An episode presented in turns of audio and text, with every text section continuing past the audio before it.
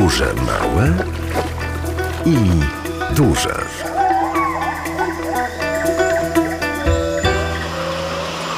A nasza podróż niezbyt duża, bo po prostu niezbyt daleka. Znajdujemy się w centrum miasta, na placu teatralnym, przed Centrum Spotkania Kultur w Lublinie. I tutaj, drodzy Państwo, zagościł las. Także w dźwiękach z małej leśnej sceny, więc możemy się w to wszystko wsłuchiwać. To tutaj, drodzy Państwo, będziemy spacerować po leśnym miasteczku w sercu Lublina. Ulic mamy całe mnóstwo, a są to ulice związane z gospodarką leśną. Mamy m.in. ulicę Darów Lasu, ale także sadzonkową, ochronną, drewnianą, czy również edukacyjną. Muszę Państwu powiedzieć, że okienko pogodowe właśnie w tym momencie nad Lublinem się pojawia, więc to jest dobry moment, żeby przybyć tutaj na ten leśny plac w sercu Lublina i razem wspólnie z leśnikami pobawić się w zbieranie pieczątek, a oczywiście nagrody też będą. Dla ciała to coś dobrego, bo dobre z lasu oczywiście smakołyki, ale także leśna kuchnia właśnie w tym momencie rozpoczęła swoje gotowanie. Ale zanim, drodzy Państwo, tak naprawdę będziemy już wędrować sobie od ulicy do ulicy, od ulicy Leśnej po ulicę kolejną leśną, to troszeczkę Zanim ta przyroda zagości na antenie, troszeczkę historii, drodzy Państwo. Zaprosimy Państwa oczywiście na Atlas Historyczny, też lubelski, w imieniu Magdaleny Grydniewskiej. Lubelski Atlas Historyczny. W Konopnicy przeszliśmy po zaroślach. Pan konserwator nas doprowadził. No i ruinę widać. Nie jest to wyeksponowane. No niestety nie, ale mam nadzieję, że uda się, bo swego czasu rozmawiałem na ten temat z wójtem e, gminy Konopnica, podjąć jakieś działania, żeby to miejsce po dawnym kościele w Konopnicy, po starym kościele, odpowiednio zaaranżować. Ruiny dzwonnicy tylko, za chwilę więcej na ten temat. Jesteśmy z Miejskim Konserwatorem Zabytków Hubertem Mącikiem i przedstawicielem Stowarzyszenia Architektów Polskich Bartłomiejem Korzuchowskim. Nie no, miejsce jest świetne, bardzo dobrze wyeksponowane. Na szczycie skarpy Było. Było. Tak, w tej chwili no jest troszkę No nie troszkę, jest całkiem zarośnięte. No. całkiem zarośnięte, no ale widzę tutaj przyszłość przed tą dzwonnicą. Taka lokalizacja na szczycie skarpy jest nie bez znaczenia, ponieważ wówczas dzwonnica pełniła funkcję informacyjną również. Kiedy wyjść do pracy, kiedy wrócić, msze, czy też nawet pożary były mm, sygnalizowane właśnie w takich miejscach, dlatego była w najwyższym punkcie w okolicy lokalizowana, żeby ten dźwięk się rozchodził jak najdalej. Konopnica jest wzmiankowana w 1342 roku, kiedy to Franczko z Moguncji, wójt lubelski, otrzymał Konopnicę wraz z Bronowicami jako część uposażenia od króla Kazimierza Wielkiego. Później być może były pewne zmiany własnościowe, ponieważ w końcu wieku XIV starosta lubelski Włodko z Harpinowic najprawdopodobniej dysponował tymi terenami i profesor Jacek Hachaj, lubelski historyk, z nim wiąże fundację parafii w Konopnicy. W 1400 roku Konopnica nabyło miasto Lublin i od tej chwili przez kolejnych kilkaset lat e, Konopnica była związana blisko z Lublinem. Pierwszy kościół w Konopnicy był z pewnością drewniany. Wiemy, że w 1667 roku konsekrowany został kościół murowany. Właśnie w tym miejscu, przy którym dziś stoimy, tuż obok dzwonnicy. Kościół, który był niedużą budowlą. Zachowały się jego bardzo dokładne opisy w aktach wizytacyjnych z XVIII wieku, włącznie z bardzo dokładnym podaniem wymiarów tego kościoła. 10 na 4 sążnie. Czyli mniej więcej, zakładając, że ten sążeń był to sążeń tak zwany staropolski, miary ustalone podczas Konstytucji Sejmowej w 1764 roku, byłoby to 17,8 metra na 7,1 metra. Dzwonnica powstała między rokiem 1781 a 1800. W 1781 roku w wizytacji z tego roku jeszcze jest dzwonnica drewniana wskazana przy kościele. Później w końcu wieku XVIII wzniesiono dzwonnicę murowaną na samym skraju dolinki. A o czym pan z panem wójtem rozmawiał na temat tej dzwonnicy? Znaczy przede wszystkim zobowiązałem się i muszę to wreszcie zrobić, bo trochę czasu tego zobowiązania minęło, przygotować karty ewidencyjne dla tych obiektów, ponieważ e, nawet nie jest w ewidencji zabytków to miejsce gminnej. No ale też w rozmowie z konserwatorem wojewódzkim też założyliśmy, że trzeba te obiekty objąć e, ochroną konserwatorską. E, Na terenie Lublina wszystkie takie obiekty mamy ujęte w ewidencji, więc to kościelisko w Konopnicy, gdzie na pewno są też pozostałości samego kościoła rozebranego w latach międzywojennych, Nie tylko teren, ale pod tym kościołem też były wzmiankowane w źródłach co najmniej trzy krypty. To oczywiście też dawny cmentarz kościelny, a więc y, no, też musimy mieć świadomość, że stąpamy tutaj po szczątkach ludzkich. Cmentarz, który funkcjonował do końca XVIII wieku, dopiero na początku XIX wieku założono nowy cmentarz y, konopnicki, który jest wpisany do rejestru zabytków, jest na terenie miasta Lublina, bo znaczna część dawnej konopnicy jest dzisiaj w granicach administracyjnych Lublina. Na początku XX wieku jest decyzja o budowie nowego kościoła, a ten w ogóle przestaje funkcjonować, bo te dwa y, kościoły no, kilkaset metrów dzieli. Mhm. Wybrano nowe miejsce na nowy kościół. I stan? Stary kościół został zamknięty, ale początkowo planowano wykorzystanie go jako sali parafialnej. Pod takim warunkiem, i to zostało bardzo wyraźnie zaznaczone przez e, biskupa, że miały zostać z kościoła zdjęte wszystkie takie elementy jak krzyże, żeby nie sugerować, że to jest w dalszym ciągu kościół. Dlaczego tak się nie stało, tego niestety nie wiem. Nie znalazłem informacji na ten temat źródłowych i w rezultacie kościół popadł w ruinę. No ja myślę, że na początku teren powinien być udostępniony dla zwiedzających, no i oznakowanie tego miejsca, bo z ulicy trudno się spodziewać, że taka dzwonnica w tym zagajniku się znajduje. Przy dzwonnicy starego kościoła w Konopnicy, to jest odległość kilkuset metrów od kościoła, który widać w tej chwili z trasy. Jesteśmy z Miejskim Konserwatorem Zabytków Hubertem Mącikiem, przedstawicielem Stowarzyszenia Architektów Polskich Bartłomiejem Korzuchowskim. Lubelski Atlas Historyczny. Audycja powstała przy współpracy z lubelskim oddziałem SARP.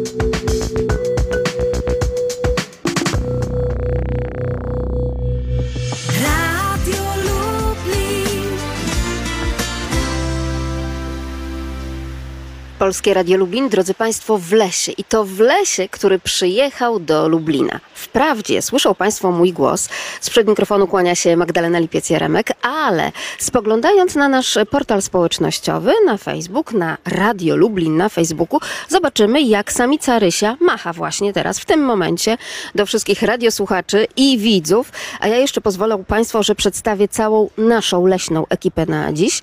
Piotr Król, który ten program zrealizuje z naszego studia, ze studia przy ulicy Obrońców Pokoju 2, ale Krzysztof Kosior i Tadeusz Kopania będą realizowali dla Państwa z wozu transmisyjnego właśnie tutaj, na Placu Teatralnej przy Centrum Spotkania Kultur w Lublinie nasze wszystkie relacje. Razem z nami także Piotr Michalski, który w tym momencie broni sprzętu przed przejeżdżającym autem, a to wszystko dlatego, że jesteśmy na żywo, drodzy Państwo, po to, żeby Państwu również pokazywać, jak wygląda leśne miasteczko w sercu Lubelszczyzny. Będziemy je smakować wszystkimi zmysłami, więc oczywiście to dobrze, że samica Rysia jest razem z nami, bo to zachęta dla najmłodszych, bo dziś tak naprawdę tutaj możemy spotkać się całą rodziną. I ważna informacja i dla radiosłuchaczy, i dla naszych widzów też y, facebookowego mm, oczywiście profilu. Drodzy Państwo, ja zobaczyłam na własnym telefonie komórkowym w aplikacji pogodowej właśnie w tym momencie opady ustają. I tak jest, prawda? Tak, oczywiście na szczęście opady ustały. Jak to mówią, mamy to okno pogodowe, więc mamy nadzieję, że e, każdy, kto ma chociaż chwilę czasu wolnego e, w to niedzielne południe, przybędzie do nas i odwiedzi nasze leśne masteczko. A takie zaproszenie przekazuje Państwu rzecznik prasowa Regionalnej Dyrekcji Lasów Państwowych w Lublinie, do której nawet w czasie już tego spotkania i wejścia antenowego telefonują leśnicy, bo zjechali się tak naprawdę z całej regionalnej dyrekcji, z całego naszego województwa i nie tylko województwa, prawda? Bo przecież e, regionalna dyrekcja to również e, takie granice, które niekoniecznie odpowiadają regionowi lubelskiemu, tylko delikatnie się rozszerzają.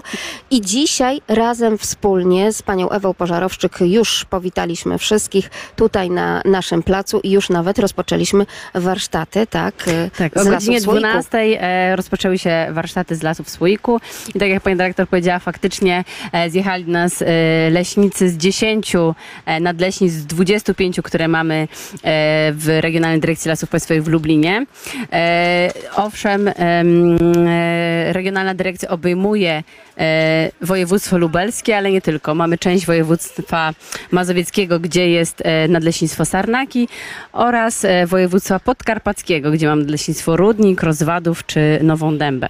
Także nasz teren jest naprawdę bardzo rozległy, ale nasze lasy są naprawdę bardzo piękne i tak naprawdę gdzie się nie pojedzie, czy to na północ, czy tutaj e, właśnie w środkowej części e, Lubelszczyzny, czy na południe, na Roztocze, czy Lasy Janowskie, to myślę, że naprawdę bardzo e, każdy będzie zadowolony z tego, że, że odwiedził ten las, bo naprawdę jest bardzo pięknie. A zapraszamy także efektami dźwiękowymi.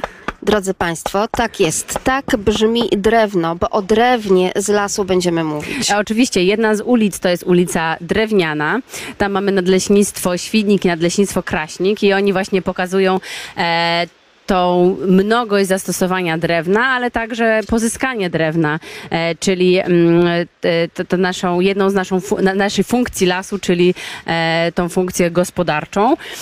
Będzie można na przykład odbić, nauczyć się odbijać drewno i, i, i przeciąć piłą to drewno i ten krążek ze sobą zabrać. Ale to nie jedna atrakcja. Mamy ulicę Sadzonkową, gdzie poznamy jak wygląda ten proces rozwoju drzewa od samego nasionka, które będziemy mogli obejrzeć pod em, e, pod mikroskopem, aż po dorosły drzewostan. Mamy ulicę edukacyjną, gdzie poznamy głosy e, zwierząt, e, zarówno ptaków, jak i tych większych zwierząt typu sarna, łoś, jeleń, czy, Czy właśnie ryś też, Czy prawda? oczywiście ryś, jak najbardziej. Bo ta świadomość tego, że w naszych lasach także rysie są, to nie jest taka świadomość oczywista, prawda? No myślę, że nie, bo y, szczególnie, że te rysie tak naprawdę pojawiają się bardziej e, w tej wschodniej części e, naszej regionalnej dyrekcji. Tu jest Nadleśnictwo Sobibór, Topa, Tomaszów też. Albo tak, albo po, południową część, natomiast e, faktycznie może nie być to oczywiste, że te rysie też u nas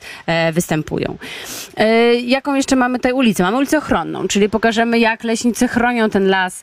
E, no i niestety czasami musimy to zrobić, e, to ochronić ten las przed zwierzyną, e, właśnie przed tym łosiem czy, e, czy jeleniem, dlatego że ten młody drzewostan niestety by nie przetrwał em, zgryzania e, zwierząt tych młodych sadzonek, dlatego też pokażemy jak to wszystko e, wygląda. Pokażemy jak, e, jakie szkody też wyrządzają różnego rodzaju owady gdy występują dla nich korzystne warunki, czyli na przykład susza e, i co to powoduje dla, dla, dla drzew. Będziemy, mamy też ulicę turystyczną, ogromny namiot, gdzie będziemy mogli się zrelaksować, usiąść na, e, na e, leżaczkach, posłuchać muzyki, po...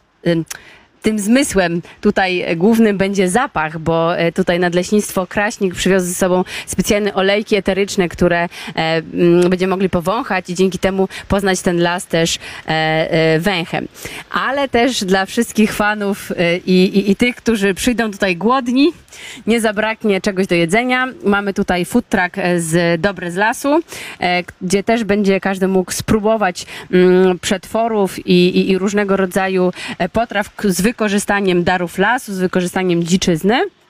A także gotuje dla nas e, od, od, od początku, gotuje dla nas Karol Kus z Masz to w lesie i on też e, przygotuje dla nas gulasz dziczyzny, szaszłyki, także naprawdę e, będzie co, co jeść, co widzieć, co słyszeć i co czuć. Las chłoniemy wszystkimi zmysłami, także tutaj. To tak naprawdę taka kąpiel leśna, które to kąpiele w ostatnich latach stały się bardzo modne, czyli tak naprawdę po polsku i w polskim odbiorze spacer w lesie, prawda? W którym potrafimy naprawdę odpocząć i który daje nam coś więcej niż tylko relaks i czas wolny na łonie natury, ale to właśnie pieści nasze zmysły i to wszystkie. Tak, i to, to, to jest bardzo, bardzo ważne, że ten las możemy odkrywać wszystkimi zmysłami. To nie jest tak, że tylko, nie wiem, wzrokowo czy tylko słuchowo, tylko tak naprawdę możemy dzięki temu, że mamy dary lasu typu jagody, grzyby, no to możemy posmakować, możemy poobserwować, możemy powdychać tego lasu. Chociażby dzisiejszą pogodą, jakbyśmy poszli do lasu e, iglastego, to faktycznie e, można byłoby ten zapach naprawdę poczuć i taki, tak było tak świeżo, tak e, naprawdę przyjemnie w tym lesie e, byłoby podczas tego deszczu. Dlatego też zachęcamy do tego, żeby odwiedzić to nasze leśne miasteczko, żeby te zmysły zaspokoić, można tak powiedzieć, na tych naszych stoiskach i myślę, że, że nie pożałują Państwo, jeśli wyjdą dzisiaj z domu, ubiorą się ciepło i, i przyjdą do nas przed Centrum Spotkania Kultur. Żeby się ogrzać, można się oczywiście oczywiście do samicy Rysia tutaj przytulić, bo to ogromna, piękna maskotka jak najbardziej, ale można też skorzystać z walorów edukacyjnych, jakie proponują leśnicy, bo zaproponowali Państwo od razu na wejście świetną grę. Zresztą niedziela kojarzy się z takimi grami rodzinnymi. Tutaj mamy planszówkę prawie że naturalnych rozmiarów, prawda? Można skorzystać z różnego rodzaju pieczątek, ale trzeba jakieś elementy wiedzy przyrodniczej mieć. Tak, taką ideą em, też tego leśnego miasteczka jest, żeby posiąść tą wiedzę e, o lesie, o gospodarce leśnej, o tym, jak leśnicy e, e, dbają o ten las. Dlatego też na każdym z tych stanowisk, na każdej z tych ulic leśnicy przygotowali różnego rodzaju zadania i za te zadania można otrzymać pieczątkę. I w momencie, gdy zbierze się sześć pieczątek, bo mamy sześć takich stanowisk, Podchodzimy do stanowiska, gdzie można odebrać nagrodę. Najpierw e, zakręcimy kołem fortuny i potem faktycznie jakiś e, drobny gadżet z tego naszego wydarzenia będzie można ze sobą zabrać jako e, pamiątkę, że się było i tą wiedzę zdobyło. Drodzy Państwo, w takim razie my na razie odchodzimy z tego naszego namiotu przy wozie transmisyjnym. E, Rysiu, drogi, czy Ty możesz nas zaprowadzić już na miasteczko i na te ulice? E, Zapraszamy serdecznie. Proszę bardzo, ja tutaj sobie wezmę o mikrofon, to ten przekażemy z pewnością innym leśnikom, których spotkamy gdzieś tutaj na tej naszej trasie, drodzy Państwo, bo wędrujemy oczywiście po placu teatralnym przed Centrum Spotkania Kultur. To tutaj już nawet, tak, ja to widzę, płonie ognisko w lesie. Drewno już e, przygotowane, więc nawet będzie można ogrzać dłonie, nawet będzie można, drodzy Państwo, przygotować się również do podpieczenia, kto wie, czy nie kiełbaski. Ale zanim będziemy zajadać, to może, drodzy Państwo, podejdźmy najpierw do terenu Nadleśnictwa Włodawa. Razem z nami Włodzimierz Czerzyk, głos, który doskonale Państwo znają z naszej radiowej anteny. Włodzimierz Czerzyk, edukator i komendant przede wszystkim Nadleśnictwa Włodawa, Straży Leśnej w tymże Nadleśnictwie. Przy tym Państwa namiocie, Panie Włodku, cóż się dzieje? Podejdźmy tam. Y, Tutaj w tym namiocie mamy dział ochrony lasu i tutaj chcemy przekazać zwiedzającym ten namiot, jakie mamy metody ochrony lasu, jakie, jakie są y, metody zagospodarowania tutaj takiego terenu, żeby owady nam zapylały kwiaty na łące, te sławne kwietne łąki, no nie, żeby było więcej zapylaczy. Mamy w gablotach owady uważane ogólnie za szkodniki, chociaż to pojęcie jest tylko przez ludzi wymyślone dla konkurentów naszych i po prostu też mamy y, pokazane metody zabezpieczania drzew przed y, zwierzyną płobą, jeleniami, łosiami i sarnami. Ale ponieważ, jeśli mogę, panie Włodku, e, zanim jeszcze przejdziemy do tych walorów edukacyjnych, e, Ponieważ jest takie pytanie do człowieka e, z lasu i to pytanie właśnie w tym momencie słyszę nawet w słuchawkach z naszej e, rozgłośni, bo jak e, rozumiem też i Państwo, nasi radiosłuchacze próbują się z nami skontaktować. Najlepiej dzisiaj skontaktować się przychodząc po prostu tutaj na ten leśny plac przed CSK w Lublinie. Skoro prosto z lasu pan przyjechał, panie Włodku, i to z lasów włodawskich, grzybnych, no to czy grzyby się pojawiły po tych deszczach, czy jeszcze nie? Y, grzyby się pojawiły i to w znacznej ilości, tylko tych jadalnych jest akurat tyle, co kot napłakał, ale pozostałe są tutaj. Było dość sucho, można incydentalnie gdzieś tam znaleźć i borowiki, ale jeszcze ich nie ma w takiej ilości, które by zachęcały do takiego no, dużego grzybobrania powiedzmy. To tym bardziej, zanim wybierzemy się do lasu na grzybobranie, poznajmy troszeczkę tej e, wiedzy leśnej. Ja widzę, że tutaj całkiem spora grupa, rodzinna także dzieci, z lupami już e, pracuje, przyglądając się właśnie owadom, przyglądając się także czemuś, co jest bardzo charakterystyczne, Tak. czyli mamy tutaj taki piękny hotel tak zwany. To jest taka bardzo ładna nazwa, czyli hotel dla owadów. Hotel powiedzmy to nie bardzo pasuje do tego, bo one by musiały tutaj tylko nocować i spać, tak jak to w hotelach robotniczych I mi się to kojarzy. jeszcze. I wynajmować. To jest, to jest najnormalniej w świecie domek dla owadów, dla wszelkich błąkówek, których jest teraz bardzo mało i zbudowany jest z różnego rodzaju materiałów i z gałęzi grubszych, gałęzi cieńszych, poukładanych luźno, poukładanych zwięźle. Są też szyszki, są też elementy, y, elementy trzciny słomy, kory z otworami, żeby po prostu tutaj zanęcić wszelkie gatunki błąkówek. Każda, każdy gatunek znajdzie coś dla siebie ciekawego, a cel jest jeden, żeby dać im tutaj schronienie, ponieważ mm, już da, z dawien dawna przestały funkcjonować y, na wioskach chałupy, takie, które były ocieplane trzciną, gdzieś tam gliną też lepione i tam te błąkówki się gnieździły. I nie ma teraz takich domów, wszystko jest, że tak powiem, steropianem założone, te, mm, te inne domy, jest moda piaskowania, nie ma tych ścian i stąd właśnie te domki dla zapylaczy. Każdy z nas, kto ma jakiś, jakiś trawnik, kawałek łąki kwietnej, to będzie, to będzie po prostu y, no, powinien zbudować sobie taki domek dla owadów i też może obserwować, co tutaj one, jak, jak się gnieżdżą w tym domku. Zachęcam do tego. A owady też możemy Państwu pokazać. Poza tym możemy Państwa zachęcić, żeby przyszli Państwo do leśnego miasteczka i zobaczyli sobie oczywiście te owady jak najbardziej. Czy ja rozpoznam, e, czy to będzie ważka? Tak. Je, to dużo 10 gatunek, punktów. y, nawet 15. Jeden z gatunków ważek, no to jest już y, bardzo cenna informacja. Kogo jeszcze tutaj mamy? Taki duży jakiś... Zgrzypik twardokrywka, czyli zgrzypik twardziel, żerujący na jakichś osikach, wierzbach. Kiedyś miałem kłopot z, z identyfikowaniem go i zapamiętałem na całe życie. No i tu oczywiście w gablocie jeszcze są takie spektakularne owady, które y, radiosłuchacze znają. I miedziak sosnowiec, i szersze, rydnica topolowa, czyli taka czerwona biedronka bez kropek. Jest tutaj chrabąszcz majowy, jeszcze jak były takie czasy, że w podstawówce z tymi chrabąszczami chłopcy gdzieś za koszulę wrzucali dziewczynom. Nie polecam tego, ale chrabąszcza możemy zobaczyć w gablocie. No i mamy turkucia podjadka. Można powiedzieć jednego z owadów, który ma ciekawą biologię, bo żyje pod ziemią, kopiąc nory, korytarze i podgryzając warzywa.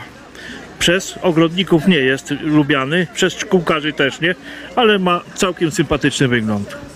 I to wszystko mogą Państwo zobaczyć, także nauczyć się tak naprawdę dzięki chociażby Atlasowi szkodliwych owadów leśnych, ale także wszystkich innych. Lupy mamy przygotowane, więc drodzy Państwo, będziemy oczywiście ten las podglądać także przez odpowiednią lupkę, żeby nic nam absolutnie nie umknęło I dzisiaj nawet ta tutaj. lupa jest podświetlana. No proszę, czyli światełko też w tunelu widać. Poza tym światełko pogodowe też w tunelu widać. Od razu, kiedy tylko te opady troszeczkę ustały, panie Włodku, to widzimy, że do naszego leśnego lasu, takiego powiedzmy miejskiego dzisiaj, całkiem spora liczba e, osób, turystów leśnych również przyszła, prawda? Zgadza się, na początku tutaj nieśmiało przychodziły pojedyncze osoby, a teraz już przychodzą całymi rodzinami. Można powiedzieć, że to miasteczko spełnia swoją rolę, bo w każdym stoisku ktoś jest zainteresowany, a edukatorów jest mnóstwo. Każdy w swojej, w swojej dziedzinie, o swojej tematyce może powiedzieć bardzo wiele i czasami warto przyjść tutaj po to, żeby zadać konkretne pytanie i otrzymać na nie odpowiedź. Konkretne pytanie i konkretną odpowiedź teraz już. Dziękujemy panie Włodku. Tutaj przy terenie Nadleśnictwa Zwierzyniec będziemy zadawali człowiekowi z lasu, prosto z lasu, bo to podleśniczy w Nadleśnictwie Zwierzyniec, leśnictwo Nowiny, pan Jakub Piasecki. Panie Jakubie, tutaj u pana na stoisku to tak naprawdę sensorycznie można troszkę dotknąć las, prawda? Dzień dobry, witam Państwa. E, Tak, jak najbardziej. E, Czego tu się uczymy? E, Tutaj uczymy się rozpoznawania naszych e, najbardziej pospolitych e, i wszechobecnych gatunków iglastych, czyli jodły, świerka, modrzewia i sosny. Ta się klei. Ta się klei. To jest szyszka jodłowa, która jeszcze jest cała, ponieważ e, Ponieważ y, ja wiem, o, proszę bardzo, czyżby już ktoś nas gdzieś tutaj wzywał na e, posiłek. Jeszcze zanim, drodzy Państwo, będziemy smakować, zwłaszcza te wszystkie rzeczy, które przygotowywane są na tym żywym ogniu, to jeszcze chwilka, e, ale y, ta jest y, żywa ciągle jeszcze tak, bo przecież tak naprawdę to jest szyszka, którą trudno później znaleźć pod drzewem, tak? Tak, tych szyszek nie szukamy pod drzewem, a szukamy ich jeszcze na drzewie. Ponieważ szyszka jodłowa e, podczas swojego wzrostu rośnie inaczej jak inne szyszki, e, gdyż rośnie ona e, w pozycji pionowej w górę i dopiero gdy się rozpadnie, roz- spada na ziemię w częściach. Tak jak e, rzeczywiście staramy się chłonąć las wszystkimi zmysłami, tak też teraz e, wącham coś, co pachnie niesamowitym lasem, lasem iglastym, czyli po prostu świeżutka żywica też się klei, ale przede wszystkim pachnie. To świadczy o tym, że leśnicy przyjeżdżając dzisiaj do Lublina tak naprawdę wczesnym rankiem przygotowywali te wszystkie stoiska, żeby wszystko było świeże i jak najbardziej atrakcyjne dla zwiedzających, prawda? Tak, wczesnym rankiem bądź późnym wieczorem. Rozumiem. Ta gałązka to drzewo, Nasze najpopularniejsze, wszechobecne sosna. Zwłaszcza na terenie Nadleśnictwa Zwierzyniec, y, to takie drzewo, z którego Państwo są dumni, prawda? Tak, tak, u nas e, sosna e, jest bardzo e, pożądana, nasza zwierzyniecka. Panie Podleśniczy, a proszę powiedzieć, czy rzeczywiście teraz współcześnie ludzie, nawet także ci tutaj, którzy przychodzą, są w stanie rozpoznać właśnie po tych gałązkach, po tych listkach, po tych nasionkach i owocach e, drzewa, które są w lesie, czy gdzieś ta wiedza jakoś tak przez lata zanikła? E, powiem szczerze, że sam jestem zaskoczony, bo przychodzą bardzo młodzi ludzie. I Dzieci po prostu. Dzieci. e, I doskonale sobie radzą z tymi podstawowymi gatunkami, które tutaj im przedstawiamy. Największe trudności sprawiają nasionka, które są drobne i, i, i, i trudne w rozpoznawaniu. No chyba poza tymi, tak? No, na te największy apetyt jest. Tak jest, orzechy laskowe, bo rzeczywiście leszczyna to też jest drzewo występujące w naszych lasach. Ale co my tutaj jeszcze mamy? Mamy również taką możliwość poznania po przekroju drzewa. Tak, to, to jest e, zagadka dla e, dość ambitnych już e, tutaj naszych mm, słuchaczy. E, I mamy tutaj podstawowe takie gatunki jak lipa, brzoza, dąb, sosna, takie, które na co dzień możemy spotkać e, w lesie.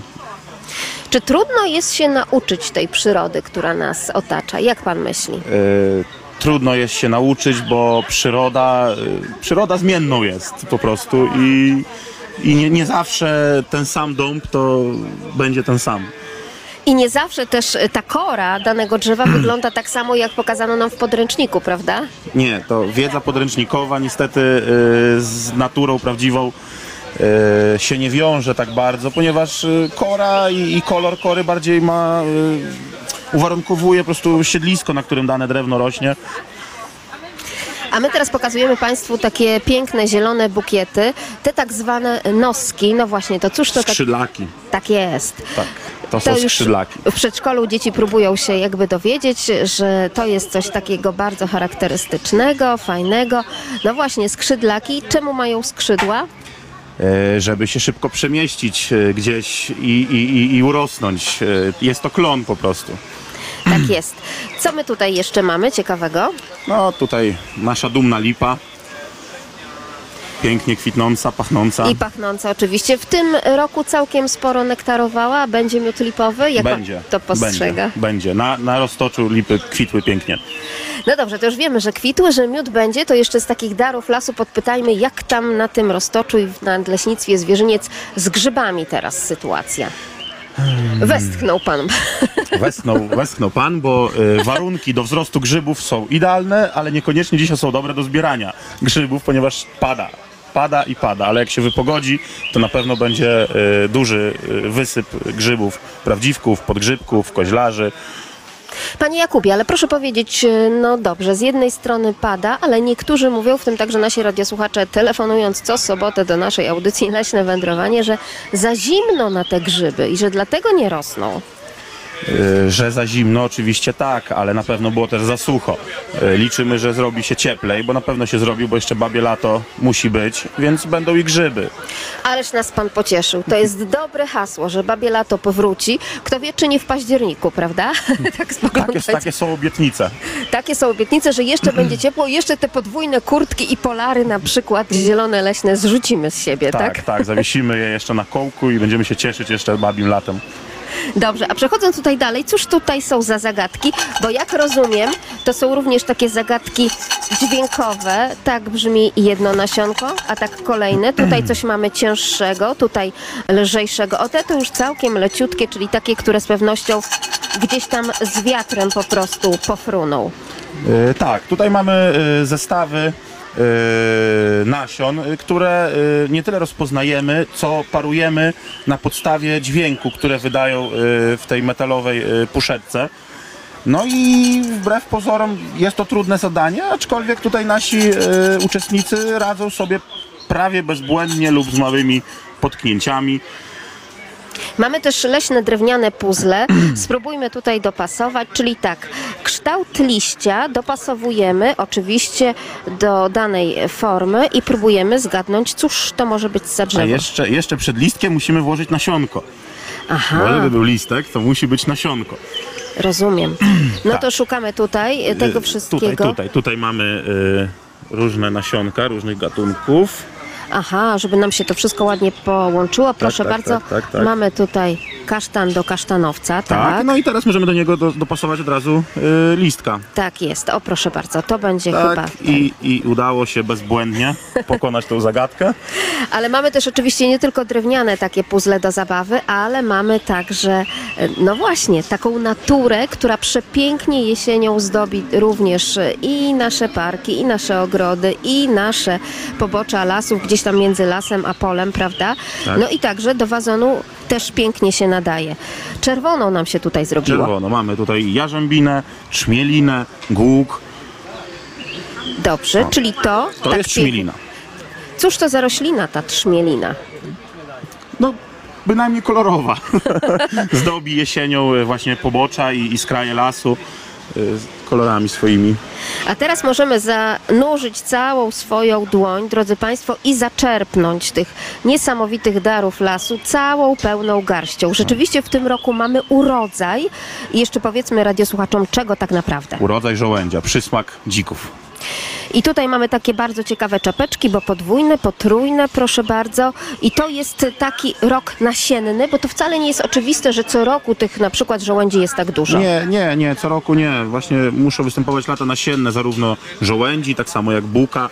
I wtedy, gdy mamy urodzaj tych nasion, zbieramy te nasiona, y, wysiewamy na szkółkach i, i mamy dzięki temu sadzonki, które potem wysadzamy i, i, i tak powstaje las.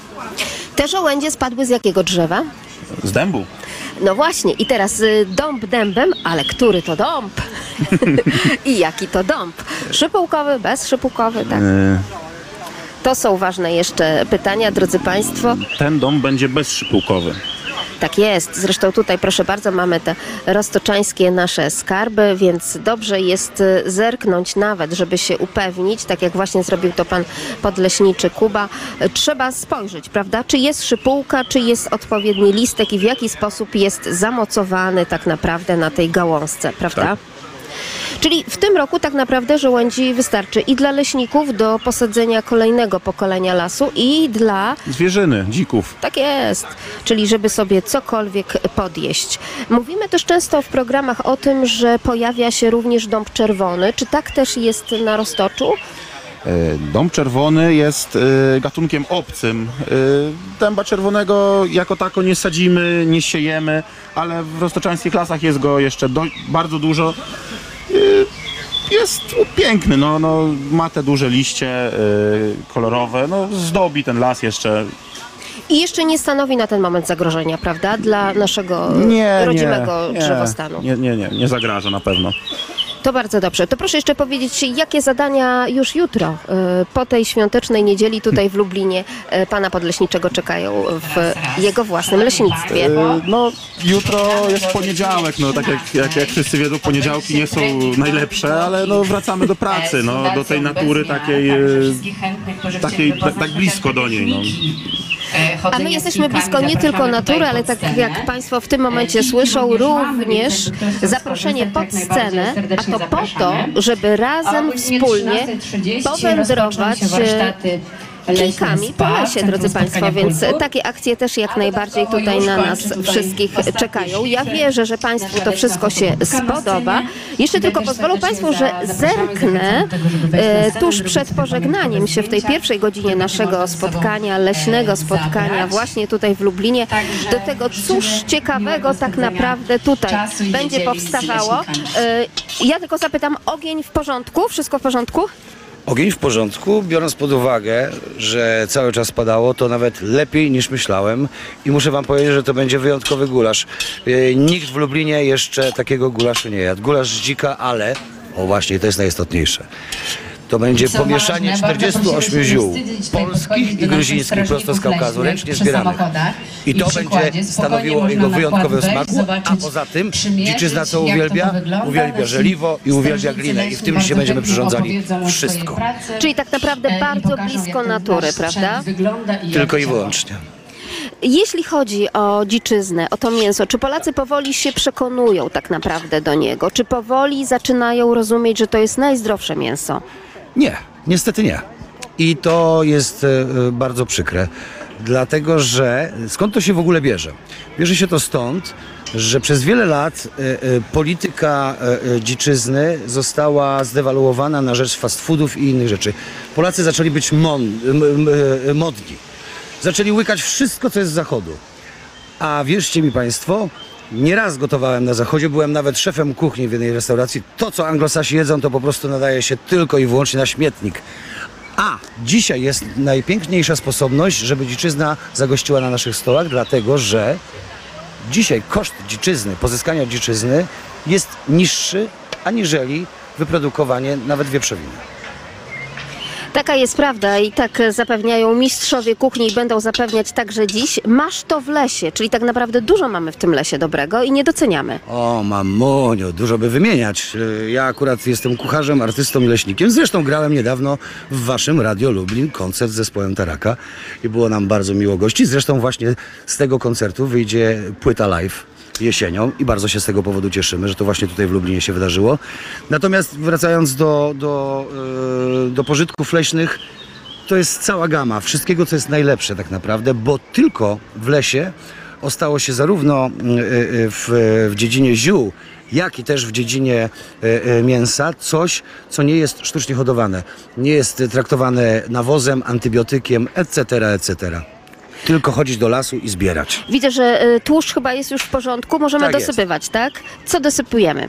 Dosypujemy warzywka najpierw, bo g- dobry gulasz polega na tym, na żeliwie, że najpierw można niżej, że najpierw podsmażamy wszystkie warzywa, potem podsmażamy mięso i dopiero potem cokolwiek zalewamy. No taka musi być procedura, inaczej nie jest tak aromatyczny, jak powinien być. Czosnek, cebula, marchew, papryka na dzień dobry, ziemniaczki zostawimy na później, żeby nam się nie zrobiła tak zwana mama łyga i żeby nam się ta skroba nie powylewała.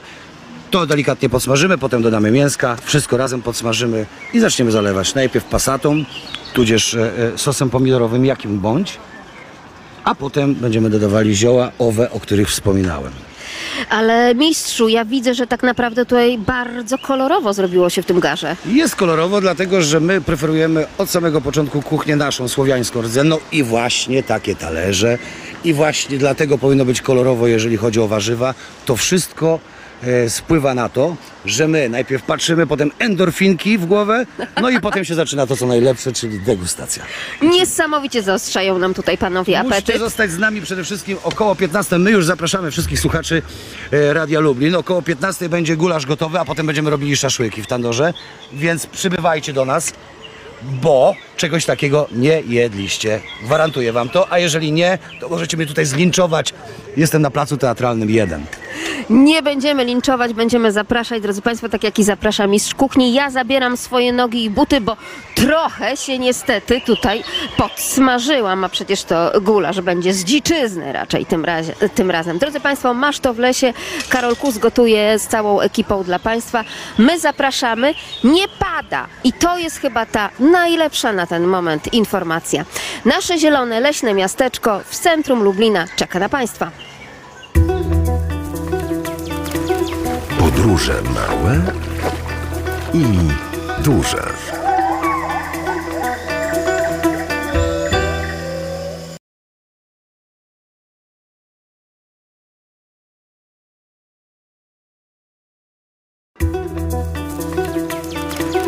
Podróże małe i duże.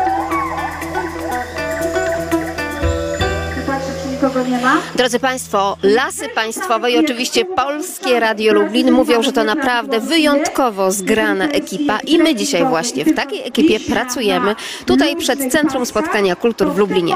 Nasze leśne, ale też i radiowe, bo my tak wespół zespół miasteczko zaprasza Państwa. Przestało padać, już gulasz przepięknie pachnie. Pojawiły się dzieci, które próbują rozwikłać różne leśne zagadki, a my dorośli bierzemy na przykład takie oto kijki do Nordic Walkingu i próbujemy ćwiczyć. Ja oczywiście w lewej dłoni mam kijek, w prawej nasz radiowy mikrofon, no ale też może coś z tego będzie. Tak jak Państwo słyszą, w tym momencie na scenie, ja pozwolę też tutaj dołączyć do tego treningu, trwa trening, jak zachować się, drodzy Państwo, właśnie z kijkami Nordic Walking w lesie. Dzień dobry Państwu. Proszę powiedzieć, co najważniejsze chciałaby Pani przekazać, jeśli chodzi o taką wędrówkę z kijkami w lesie i tutaj uczestnikom, ale także naszym radiosłuchaczom. Chcieliśmy powiedzieć, że w ogóle zapraszamy do wyjścia z domu. To jest przede wszystkim i bardzo się cieszymy, czy ktoś potrafi chodzić, czy nie, to żeby po prostu wyszedł z domu na powietrze i chodził. Przy, y, ja zaczynając swoją przygodę z kijkami nie wiedziałam, że to jest takie trudne. Dlatego zapraszam serdecznie znaleźć grupę, gdzie jest trener, gdzie jest instruktor, który się zna, bo tak, na, tak jak przy każdym sporcie, można sobie zrobić dużo krzywdy, jeżeli robimy go nieprawidłowo. Tutaj, tak jak mówiłam, jest 90% mieści uaktywniamy, więc super po prostu. Ja słyszałam, że nawet 100% mięśni, bo ten setny procent, ten właśnie jeden przy tym 99, to jest nasz uśmiech. Czyli oprócz tego, że pracują ręce, dłonie, całe ciało, oczywiście kolana, stopy i tak dalej, no to też jeszcze uśmiechamy.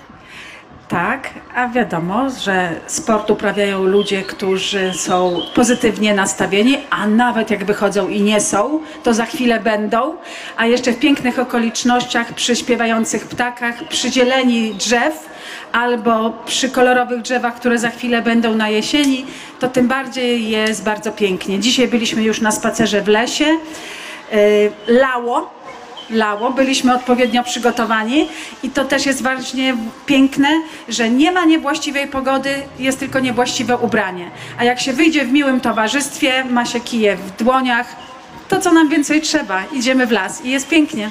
Oczywiście takich wyjątkowych instruktorów z Fundacji Czar Bez Miaru, oczywiście Puławska nasza fundacja, pozdrawiamy serdecznie, dziękujemy, że są Państwo razem z nami, że nas ćwiczą i trenują, czyli my też już wiemy, ręka, noga, prawda, to wszystko powinno współgrać, więc skoro mamy już krok dobrze przygotowany, to drodzy Państwo, wędrujemy po naszym leśnym miasteczku. Ja tylko przypomnę, że tych ulic stworzonych przez leśników jest naprawdę bardzo, bardzo dużo.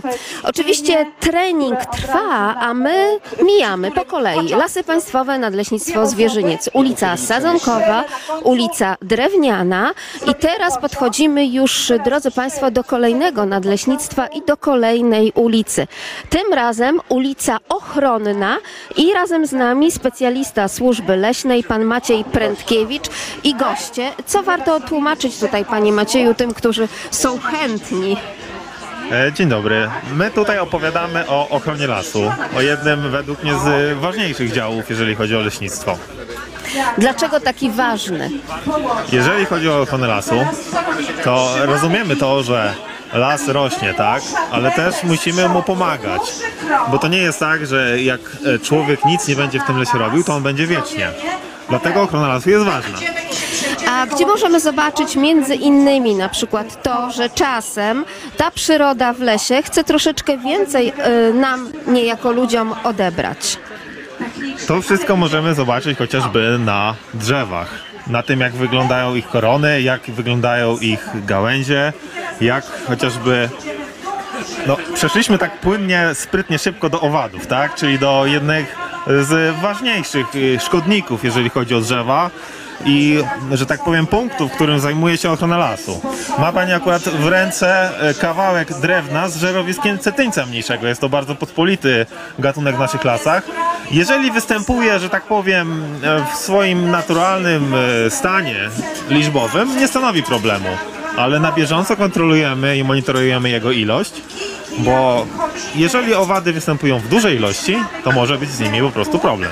I wtedy pada takie sformułowanie, często używane przez leśników, że następuje gradacja, prawda? Zgadza się, gradacja, czyli masowy po, pojaw wybranego gatunku szkodników, który no jak występuje po prostu w małej liczbie, to nie stanowi problemu, a jak już występuje w dużej, no to może doprowadzać do zamierania drzew. Drodzy Państwo, nikt tak jak leśnicy nie potrafi nauczyć nas czytania przyrody w lesie i czytania nawet, proszę bardzo, z takich oto korytarzy żerowisk, które przepięknie z jednej strony wyglądają, prawda? Ale tutaj właśnie możemy zobaczyć, gdzie i jak wędrują sobie te owady i co podgryzają. Podgryzają drewno pod korą. I co się wtedy dzieje z takim drzewem? Jeżeli drzewo e, jest w pełnej swojej, że tak powiem, sprawności, najprędzej jak takie owady chcą wejść w takie drzewo, to zaleje to wszystko żywicą, tak? Bo to są akurat, to co pani ma w ręku, to są gatunki iglaste, tak? Akurat sosna. Ale to są akurat szkodniki wtórne, które one atakują po prostu osłabione drzewa, czyli takie, które no po prostu nie są w pełni swojej zdrowotności. Chociażby osłabione ze względu na suszę, na wahania poziomu wód gruntowych, na występowanie na niedostosowanym siedlisku i dlatego te gatunki doprowadzają potem, mogą doprowadzić do śmierci. A nazywają się, drodzy Państwo, naprawdę, e, powiedziałabym, że szalenie sympatycznie. Mamy tutaj smolika drągowinowca. Smolik drągowinowiec, bardzo charakterystyczna nazwa, ale przygotowali Państwo również, o proszę bardzo, konkretny kawałek kory i mamy tutaj cetyńca większego, czyli on, jak rozumiem, no większe tutaj szkody poczynił również. Akurat cetyniec większy jest e, po prostu większy rozmiarowo od mniejszego, dlatego tak się nazywa. Takim e, fajnym owadem, jeżeli chodzi o nazwę, jest przypłaszczyk granatek. On się nazywa przypłaszczek, bo larwa jest płaska. Jak się ją zobaczy, no nie mamy akurat, bo akurat nie udało nam się, że tak powiem, jej spotkać. Mamy tylko żerowisko. Larwa tego gatunku jest po prostu płaska, dlatego przypłaszczyk, a granatek, no bo jego imago jest granatowe, po prostu owad, czyli już po przepoczwarzeniu. Forma doskonała. Wiem, ja wiem, że wtedy, kiedy leśnicy uczą się leśnictwa, czy to w technikum leśnym, czy później już na studiach, muszą tak naprawdę wyszperać z tej leśnej przyrody, między innymi takiego przypłaszczka granatka i pamiętam, że któryś z leśniczych mi opowiadał o tym, że kiedy on się uczył, to tak naprawdę nie można było go znaleźć. Natomiast teraz przyroda jakby zatoczyła krąg i jest tego przypłaszczka granatka akurat całkiem sporo, niestety. Zgadza się.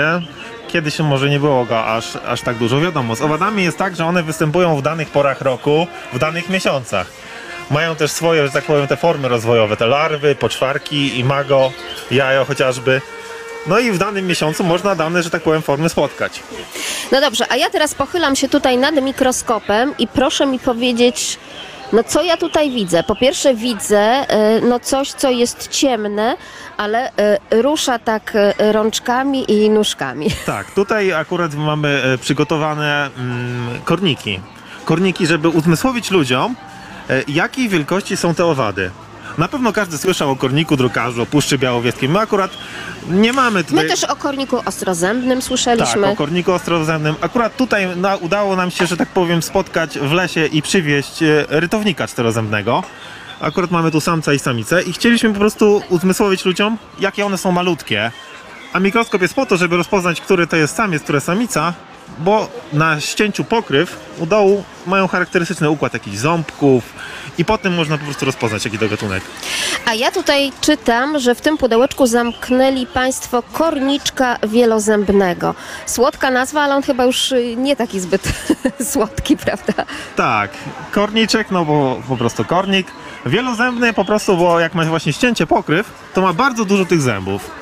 Na przykład kornik ostrozębny ma około czterech zębów, z czego dwa końcowe ma, że tak powiem, zrośnięte ze sobą razem.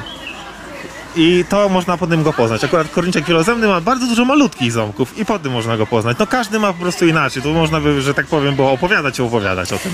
Ja właśnie słyszę, że pan ma ogromną wiedzę, panie Macieju. Czyli to nie jest tak, że leśnik tylko i wyłącznie myśli o tym, e, pracując w lesie, pracując w terenie, że proszę bardzo, to drzewo pójdzie do ścięcia i to jakby tylko o to chodzi, tak? Pan nam tutaj pokazuje przy tej ulicy ochronnej, że przede wszystkim najpierw trzeba ten las ochronić, żeby można było z niego to drewno pozyskać. Zgadza się. No ja już nieraz mówiłem, że leśnictwo to nie jest tylko pozyskanie drewna, tylko to jest i hodowla lasu, to jest i szkółkarstwo. Właściwie rozpoczynamy od szkółkarstwa, tak? Najpierw musimy wyhodować sezonki, potem musimy wyhodować ten drzewostan. Hodowla idzie w parze z ochroną, tak? Musimy go ochronić. I dopiero potem mamy to pozyskanie. No i mamy to drewno, surowiec doskonały, tak? Wiele różnych zastosowań, no który od lat, od wieków nawet towarzyszy po prostu ludziom. Towarzyszy i jest razem z nami. Jak to dobrze, że leśnicy nam to wszystko uzmysławiają. Bardzo dziękuję Panie Macieju. A my teraz po sąsiedzku zapukamy jeszcze raz e, na teren Nadleśnictwa Włodawa, bo chcemy Państwu coś szczególnego pokazać. Włodzimierz Czerzyk razem z nami. To, co tutaj widzimy, to ktoś by powiedział, że no nie wiem, em, jakaś taka wadka e, na samych koniuszkach naszej sosenki tutaj jest. Po co, na co i dlaczego, Panie Włodku?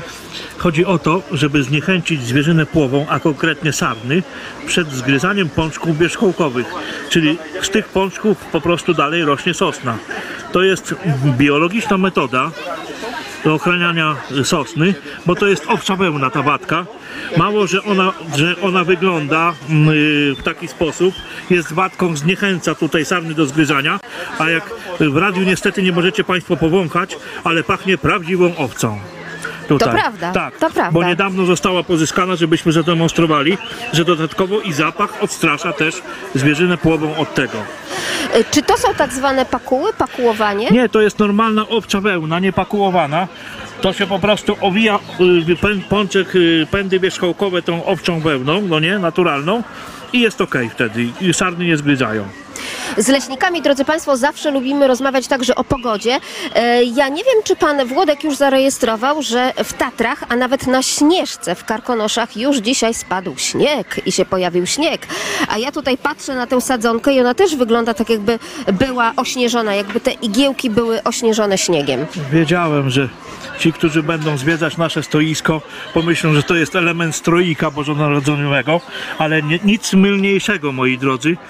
Jest to specjalna pasta zawierająca substancję w, ocza, w oczach sarny śmierdzącą, ale jednocześnie zniechęcającą do zgryzania, bo zawiera krzemionkę, że tak powiem. I to jest, tak, to jest równoważna mm, do tej y, metody ż- ż- zawijania pędów, pędów wierzchołkowych obcą wełną po prostu ma zniechęcać przed zgryzaniem sosen zwierzynę płową. Szczególnie tutaj akurat sarny, bo to jest taka wielkość tej sadzonki. Czyli tak, mało, że śmierdzi, to jest też grzyta w zębach i sarna ma tego nie jeść. I W odróżnieniu od tej metody z owczą wełną, ta jest stosowana szeroko w lasach państwowych, ponieważ naszym zadaniem jest wyhodowanie z tych sadzonek ogromnych sosen, prawda? I to od tego się zaczyna. Wprawdzie tutaj, Panie Włodku, to nie jest stoisko kuchenne, a wygląda tak, jakby miał Pan raz, dwa, trzy, cztery, pięć, sześć, prawie siedem lejków i do tego jeszcze butelkę na samym końcu. Cóż to za ustrojstwo, bo z czymś takim mogą również nasi goście, którzy dzisiaj e, wędrują tutaj po tym miasteczku leśnym, spotkać się w lesie, Tak. prawda? Zgadza się. Gdybyście Państwo wędrowali po lesie, to możecie zobaczyć jeden albo wiele lejków takich, albo z woreczkiem nylonowym, tak jak tutaj na końcu, na samym dole, albo z butelką. To nic innego jak są pułapki na szkodniki owadzie. Ja tutaj patrzę, Panie Włodku, że jeszcze nic się nie złapało, prawda? Tutaj się nie złapało, bo jesteśmy w centrum Lublina i taka pogoda jest. y, Co prawda nie taka jak na Śnieżce, ale y, masowo owady nie latają te. Ta pierwsza, co jest dużo lejków, służy do tego, żebyśmy łapali kornika drukarza do, tej, do, tego, do tego pojemnika. Ale proszę powiedzieć i wytłumaczyć, na co on tak naprawdę jest w stanie się tutaj złapać? No bo A, chyba to nie tak. tylko na to, że y, to jest y, Nie, białe, a nie zielone. Zgadza się, on nie lubi ro roller coasterów i miasteczek, takich, żeby było ryzyko. Tylko chodzi tutaj głównie o to, że u góry, u pułapu tej pułapki za, zasto- stosuje się y, feromon i tak o tutaj mogę pokazać, jak wyglądają feromony. A feromony to nic innego jak zapach wabiący owady i mamy dwa rodzaje feromonów, no bo dwa instynkty rządzą tym światem. To jest po prostu y, albo pokarm, albo instynkt y, przedłużenia gatunku, no nie? To, czy to mogą być feromony płciowe. I moi drodzy, te pułapki służą do jednego celu. Łapania owadów, ale wszystkich szkodników z całego drzewostanu one nie wyłapią, tylko są do celów diagnostycznych. Co jakiś pewien okres czasu, na przykład raz na tydzień, ktoś ze służby leśnej, leśniczy, podleśniczy sprawdzają ile tych owadów się złapało. Sprawdzają sobie mm, w takich zestawieniach, w tabelkach, czy, czy, to jest, czy to nie jest przypadkiem ilość krytyczna. I w przypadku, kiedy ich jest mało, to to nic no, nam nie znaczy. Cały czas monitorujemy sprawę, ale kiedy przekroczą pewne normy, więc wtedy się powiadamia dział techniczny nadleśnictwa, a następnie zespół ochrony lasu już dokładnie diagnozuje, żeby nie było gradacji, czyli masowego występowania danego szkodnika. Ta pierwsza pułapka, co jest dużo lejków, to na kornika drukarza, a ta druga pułapka to jest na brudnicę mniszkę. Kornik drukarz jest chrząszczem, bardzo małym, trzeba go dopiero rozpoznać pod, y, roz, y, odbłok pod mikroskopem, więc to jest taka cecha diagnostyczna gatunku korników. A z kolei i, i dorosły chrząszcz i larwy zagrażają drzewostanom, ponieważ najpierw dorosłe chrząszcze drążą chodniki, później są kolebki, z, gdzie składają jaja, a następnie larwy y, kończą dzieło. Jeżeli na przykład y, sosna, w tym wypadku świerk jest osłabiony, niestety nie ma duż, dużych szans z tym kornikiem a jeżeli na przykład nie jest osłabiony, to potrafi walczyć zalewając te chodniki żywicą. No i tutaj nie mamy, nie, nie mamy mowy o gradacji. Czyli korniki powiedzmy są takim drugim czynnikiem, który wchodzi. Bo pierwszy czynnik to na przykład może być obniżenie wód gruntowych, jakaś wichura naruszyła korzenie, więc nie może zalewać świerk żywicą i się bronić. A tu z kolei brudnica mniszka jest, jest motylem, i tutaj zagrożenie stanowią larwy motyl, motyla, które zgryzają całkowicie, mogą być gołożery nawet. I też na tej samej zasadzie y, się, że tak powiem, diagnozuje i zwalcza. Bardzo dziękuję. A my, drodzy Państwo, będziemy rozmawiać oczywiście nie tylko o drzewach iglastych, ale także tych liściastych i będziemy Państwu pokazywać i zachęcam Państwa do przyjścia właśnie tutaj do leśnego miasteczka, bo będziemy Państwu pokazywać także takie przepiękne, tym razem już tak jak spoglądam, nawet dwuletnie sadzonki dębu. Rzeczywiście to wszystko czeka na Państwa, bo las jak zawsze zaprasza. Podróże małe i duże.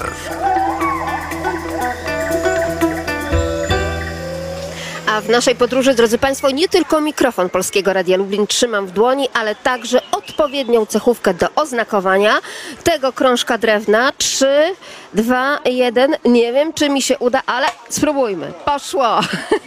Mamy oznakowanie Nadleśnictwo Świdnik, klasy państwowe. Zapraszamy. Yy, Teraz zapraszamy do Moja Twoja. Tak, jak to dobrze, że mam tu silnego pana e, leśnika, który mi pomoże. Tak się zastanawiam, czy uda mi się przeciąć także w trakcie mówienia i tylko jedną ręką. Państwo słyszą, jak pracujemy.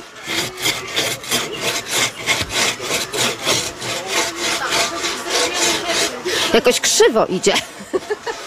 Będzie coś z tego. Będzie coś z tego. Tak patrzę, czy tutaj jeszcze. O! Z jednej strony mamy trochę mniej, później trochę więcej. Pani Dominiko, pani Dominika, Dominika Kołodziejczyk także razem z nami. Proszę powiedzieć Pani jako specjalistka służby leśnej, jak Pani ocenia naszą pracę? Dzień dobry, witam wszystkich. Jest, Myślę, spadło. że jest krążek Zobaczmy. piękny, okrągły, równy. Jak najbardziej. Gratulacje. Trochę się zasapałam. Jest dosyć ciężko. Natomiast no, praca w lesie bywa ciężka. A czy ciężko jest rozpoznawać tym, którzy tutaj przychodzą do leśnego miasteczka, na przykład z jakiego gatunku drewna o ten krążek tutaj teraz Często e, Mamy. właśnie odwiedzający nasze stoisko mylą e, krążek właśnie topoli, która się tutaj znajduje drewna, z brzozą bądź z innym gatunkiem liściastym. Bywa dosyć złudnym gatunkiem do rozpoznania. Czy ten krążek mogę wziąć sobie na pamiątkę? Tak. Wszyscy odwiedzający nasze stoisko mogą sobie zebrać taki e, krążek, który, który własnoręcznie e, ocechują oraz e, przetną moją, twoją e, piłką. Oczywiście wszystko praca ręczna. Pani Dominiko, tak naprawdę to, że mamy ten krążek, że już tutaj działamy, to kolejna pieczątka w całej naszej zabawie, prawda? Tak, mamy sześć e, różnych ulic. E, Na każdej ulicy można zdobyć pieczątkę. e, I po zdobyciu sześciu pieczątek są przewidziane nagrody. Więc zachęcamy Państwa tym bardziej, zwłaszcza, że pogoda nam się lekko ustabilizowała, prawda? Całe szczęście. No jednak przyjemniej jest wędrować tutaj pomiędzy tymi wszystkimi namiotami lasów państwowych, choć rzeczywiście pod namiotem można się schować, ale po co, skoro tak naprawdę można wyjść na to świeże powietrze i generalnie nawet tutaj tak spoglądając całkiem zielono na tej ścianie lasu, y, naszego lasu, tak w cudzysłowie mówiąc, tego lasu miejskiego, bo przecież ogród Saski tutaj tuż obok, bo spotykamy się przed Centrum Spotkania Kultur na Placu Teatralnym w Lublinie, drodzy Państwo. Rozmawiamy o lesie, rozmawiamy o gospodarce leśnej. Czy padają także trudne pytania, Pani Dominiko?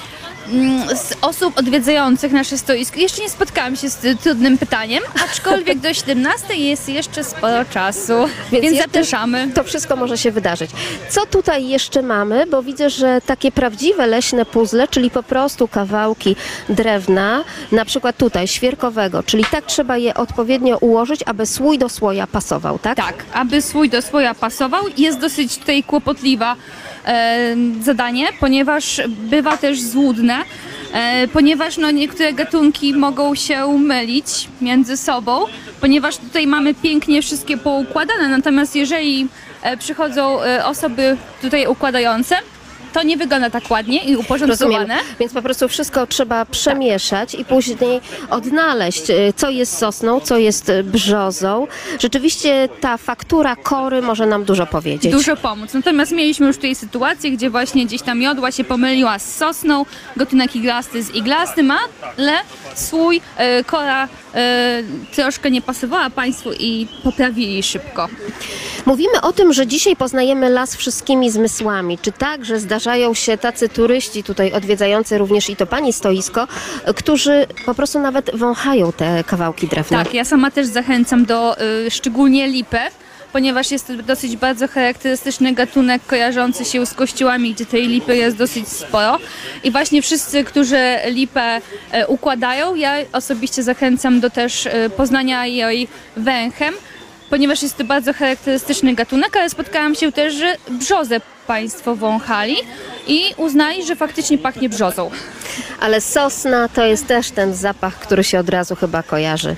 Tak, zdecydowanie sosna, ale tak samo i mamy też inne gatunki e, które też gdzieś tutaj świerk mamy mm, też. Do każdego takiego elementu i puzzla należy też dopasować gałązkę z odpowiednim e, liściem bądź igłą, która e, też poświadcza e, o znajomości gatunku oraz dzięki temu możemy przybić pieczątkę.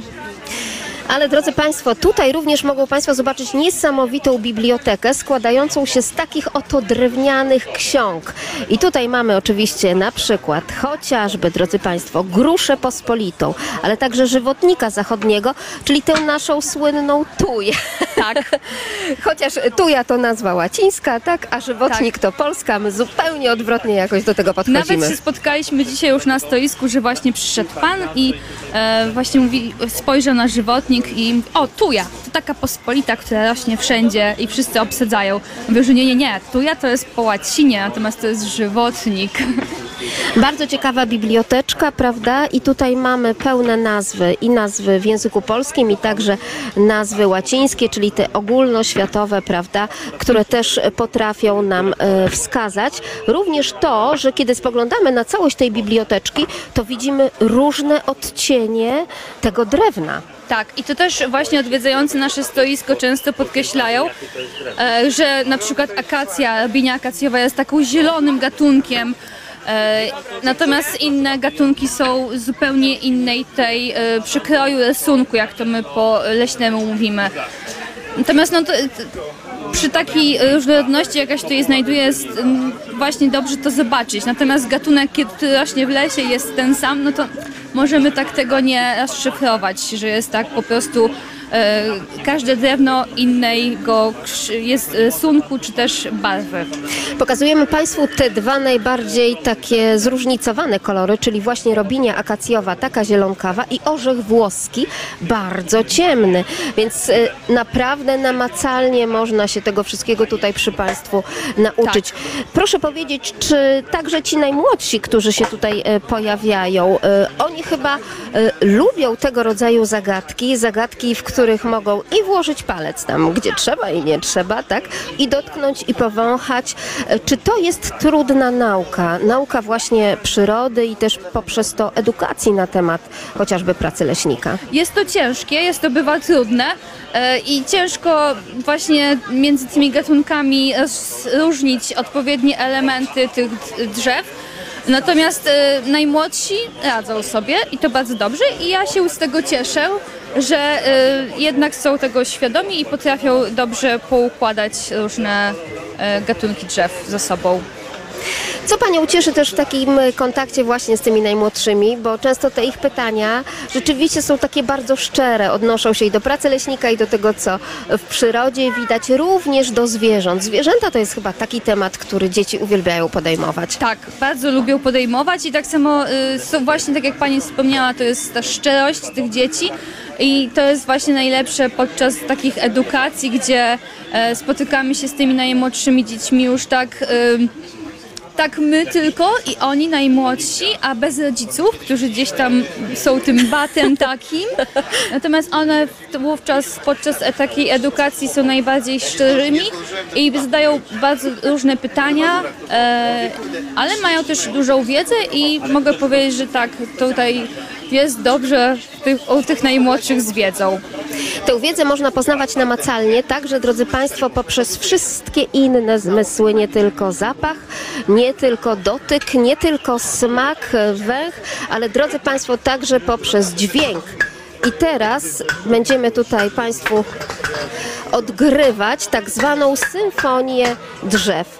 Czy rzeczywiście Pani Dominiko każde z tych klocków drewna inaczej niejako śpiewa? To jest zupełnie inny taki fortepian leśny?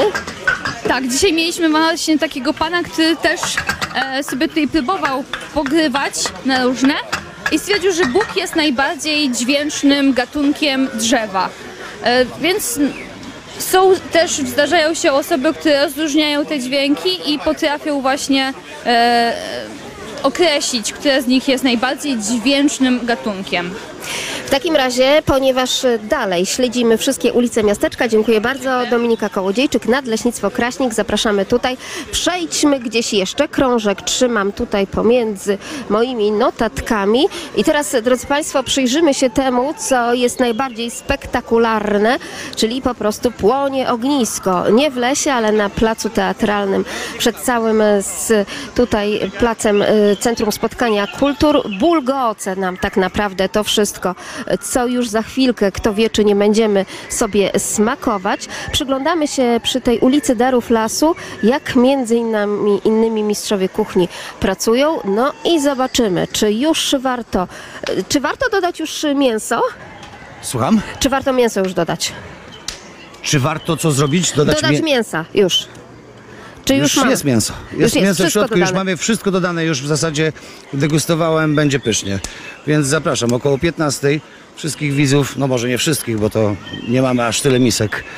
Ale y, słuchaczy Radia Lublin zapraszamy między 15 a 15.30. Tutaj będzie można skosztować genialnej dziczyzny. Bądźcie z nami. No, Mistrzu, a ten żywy ogień tutaj akurat e, z tej ceramiki, cóż Ten tam się żywy dzieje? ogień to jest piec, który się nazywa Tandor. Najstarszy piec na świecie. To cudeńko ma około 3000 lat, w pomyśle samym. Jest to szamotowa glina i w tej glinie, kiedy on się wypali w całości, drewno musi się wypalić do samego końca, zostaje na dole tylko taki mały żar. Wtedy wkładamy tam szaszłyki, zamykamy to wszystko, czekamy 15-20 minut i mamy od gotowy szaszłyk słowiański. Tak naprawdę widać, że tutaj delikatnie pracuje ten gulasz, e, delikatne takie kłęby Musi dymu. być, z gulaszem jest podobnie jak z rosołem, to musi sobie bulgotać, to nie można tak od razu z łapami do tego wszystkiego nawalić ognia, a potem co? A potem nie Wszystko się robi ciemne, robi się ma małego w środku, to po prostu jest niesmaczne. Niech sobie bulgocze, niech sobie bulgocze, po, po cichu, po cichu, spokojnie i około 15-15.30 będzie gotowe. Czyli nie dość, że naturalnie, no to jeszcze cierpliwości nas uczy takie leśne gotowanie. Każde dobre gotowanie musi nas uczyć cierpliwości, bo y, nie ma nic, y, y, co jest naprawdę smaczne i zdrowe, co jak fast food wychodzi po kilkunastu minutach po obróbce termicznej w mikrofali, tudzież w, z użyciem jakichś innych rentgenów. Tak się nie da zdrowo zjeść i tak się nie da smacznie zjeść. Po prostu to jest niemożliwe. ale zapach to jest coś, co przyciąga tutaj zwłaszcza tych widzów. Tak jak pan spogląda, już i rodziny z dziećmi też się pojawiły, bo przestało nam padać, do tego ten ogień nas tutaj naprawdę nieźle rozgrzewa i ogrzewa. Zapach to jest kolejny zmysł, bo jak pachnie las, tak też i pachnie później to, co na tym talerzu prosto z lasu. Ale rzeczywiście, w ogóle kuchnia polega na tym, każdy element, który się dodaje, to on stanowi o tym, jaka będzie końcowa potrawa. Nie ma tak, że się weźmie e, e, byle jaką cebulę i e, zrobi się dobrą potrawę. Byle jakie mięso i zrobi się dobrą potrawę. Tak się po prostu nie zdarza. Doskonale wiemy z takiego swojego wiejskiego podwórka, że jeżeli się kupi dzisiaj kurę na wsi i z niej się zrobi rosół, a kupi się to samo w markecie, no to po prostu jest niebo i ziemia. To, to, jest, to są w ogóle dwie kompletnie odległe rzeczy.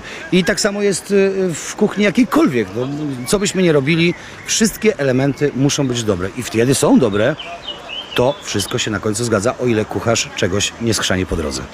Tak jest, ta kura i to jajko z wolnego wybiegu, tym bardziej przecież ta dzika zwierzyna, no z całkiem wolnego lasu, to jest to, nie należy bać się tej dziczyzny, tak jak pan podkreśla. Ależ oczywiście, że tak. W ogóle y, y, y, y, nie znoszę y, od jakiegoś czasu, kiedy zniewieścieliśmy y, y, jako społeczeństwo, kiedy mm, idzie taki hejt na myśliwych, e, na leśników, że o, tu zwierzyna, ale została strzelona i tak dalej. Drodzy Państwo, gdybyście zobaczyli mm, chociaż raz, jak wygląda rzeź w wielkopowierzchniowych farmach, e, w kontekście tego, jak e, umiera zwierzyna dzika, to jest po prostu e, jeden z najbardziej czcigodnych e, e, sposobów na uśmiercenie zwierzęcia, które zjadamy. I taka jest cała prawda o dziczyźnie. Nie należy się jej bać, wręcz przeciwnie. Należy ją stosować. Ja uważam, że w ogóle powinien wejść taki program. Będę ogromnym orędownikiem e, takiego programu, żeby dziczyzna za, zagościła w przedszkolu. E, dlatego, że jest to najlepsze mięso, jeżeli chodzi o to, co się dzieje potem z e, naszą alergią. To jest antyalergiczne mięso, ma w sobie tyle antyalergentów, że powinno być podawane po prostu od samego początku. Zresztą, nie wiem, czy Państwo zwrócili uwagę, jest coś takiego y, i to jest y, ta socjotechnika, którą, y, którą karmią nas y, McDonaldy i inne tego typu zjawiska.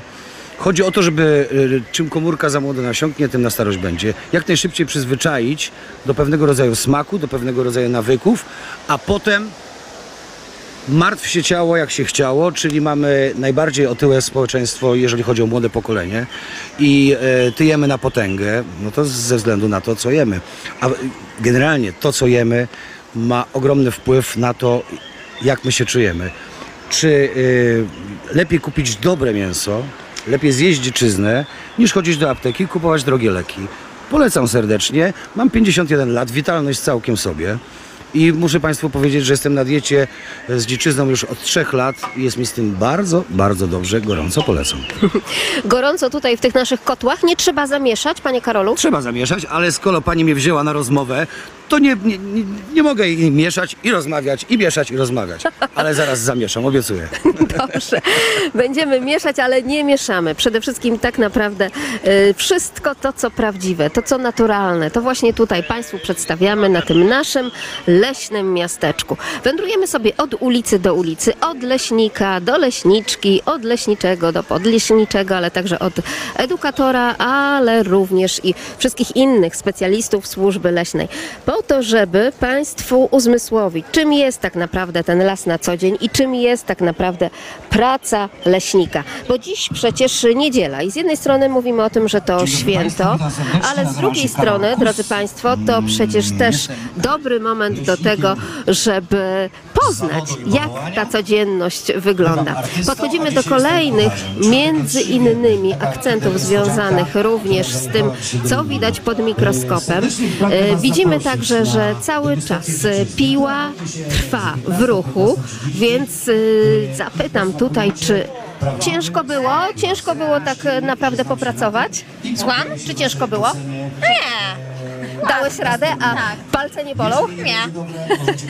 Więc to jest ten plus, drodzy Państwo. Jak to dobrze, że palce nie bolą. Razem z nami także pani Magdalena. Pani Magdaleno, proszę powiedzieć, o co najczęściej dzieci tutaj pytają i czy tutaj trudne zadania mamy do rozwiązania, bo troszeczkę matematyki jakby się pojawia. Trudnych zadań do rozwiązania nie, ma, nie mamy. Mamy tutaj prośbę o to, żeby osoby, które nas odwiedzają, zapisały nam na kartce, jakie znają zastosowania drewna, czyli mogą skorzystać z tego, co mają w domu, prawda, pomyśleć, co w ich najbliższym otoczeniu. E, no i myślę, nie ma z tym problemu. E, wszyscy doskonale wiedzą, co jest z drewna e, zrobione i potrafią te, te, te zastosowania drewna naprawdę wymieniać bezbłędnie. Pani Magdaleno, tutaj już Państwo przygotowali całą taką tablicę, prawda? Tak. I tutaj już mamy, proszę bardzo, opał, mamy także opał i budulec, mamy również zabawki, stoły, krzesła, meble i tak dalej, i tak dalej. Rzeczywiście czasami chyba sobie nawet nie zdajemy z tego sprawy, że również nasz komputer, tak nowoczesny sprzęt, też ma w sobie elementy drewna, prawda? Więc to są takie zagadki i tajemnice, które tutaj również można e, rozwikłać i wskazać. Czy obliczamy te metry sześcienne też? E, tutaj raczej, raczej nie obliczamy, przedstawiamy po prostu, że istnieje różnica między metrem sześciennym a metrem przestrzennym e, drewna i można to zobaczyć, jaka to jest e, różnica.